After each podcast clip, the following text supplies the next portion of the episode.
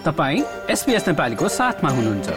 अरू रोचक सामग्रीहरूका लागि SBS dot com dot slash Nepali जानुहोस्।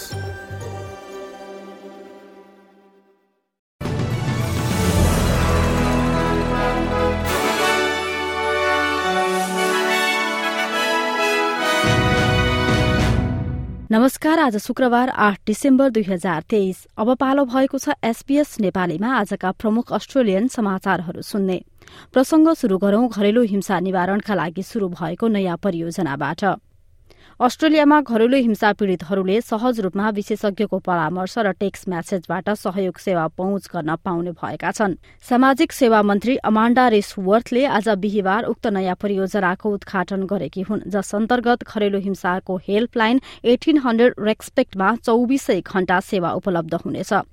साथै प्रभावित व्यक्तिहरूले एचईएलएलओ हेल्लोमा वा अरू कुनै अभिवादन गर्ने शब्द टाइप गरेर शून्य चार पाँच आठ सात तीन सात सात तीन दुईमा टेक्स्ट गर्न सक्नेछन्।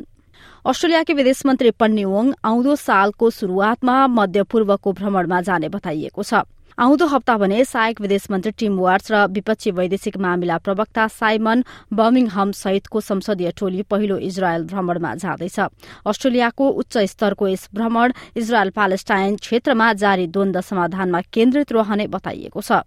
अब मेलबर्नतिर लागौं। मेलबर्नको डकल्याण्ड स्थित शुक्रबार बिहान एक रेस्टुरेन्टमा आक्रमण भएको छ। प्रहरीले घटनालाई पछिल्ला आगलागीका घटनासँग सम्बन्धित हुन सक्ने भन्दै अनुसन्धान अघि बढ़ाएको छ। प्रत्यक्षदर्शीका अनुसार तीनजना व्यक्तिहरूले झ्याल फुटाएर रेस्टुरेन्टको भित्र प्रवेश गरेका थिए र त्यस लगतै आपतकालीन सेवाको टोली घटनास्थलमा पुगेको थियो।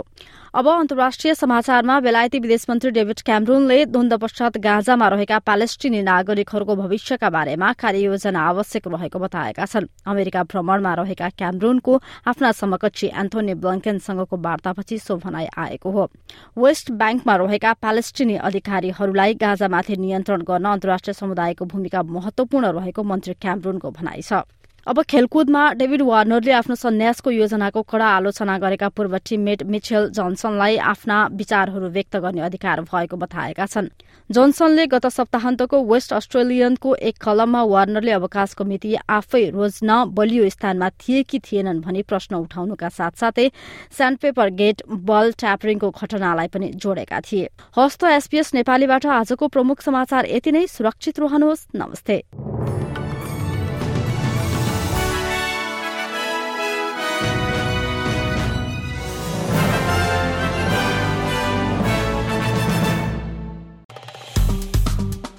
लाइक र कमेन्ट गर्नुहोस्। एसपिएस नेपालीलाई फेसबुकमा साथ दिनुहोस्।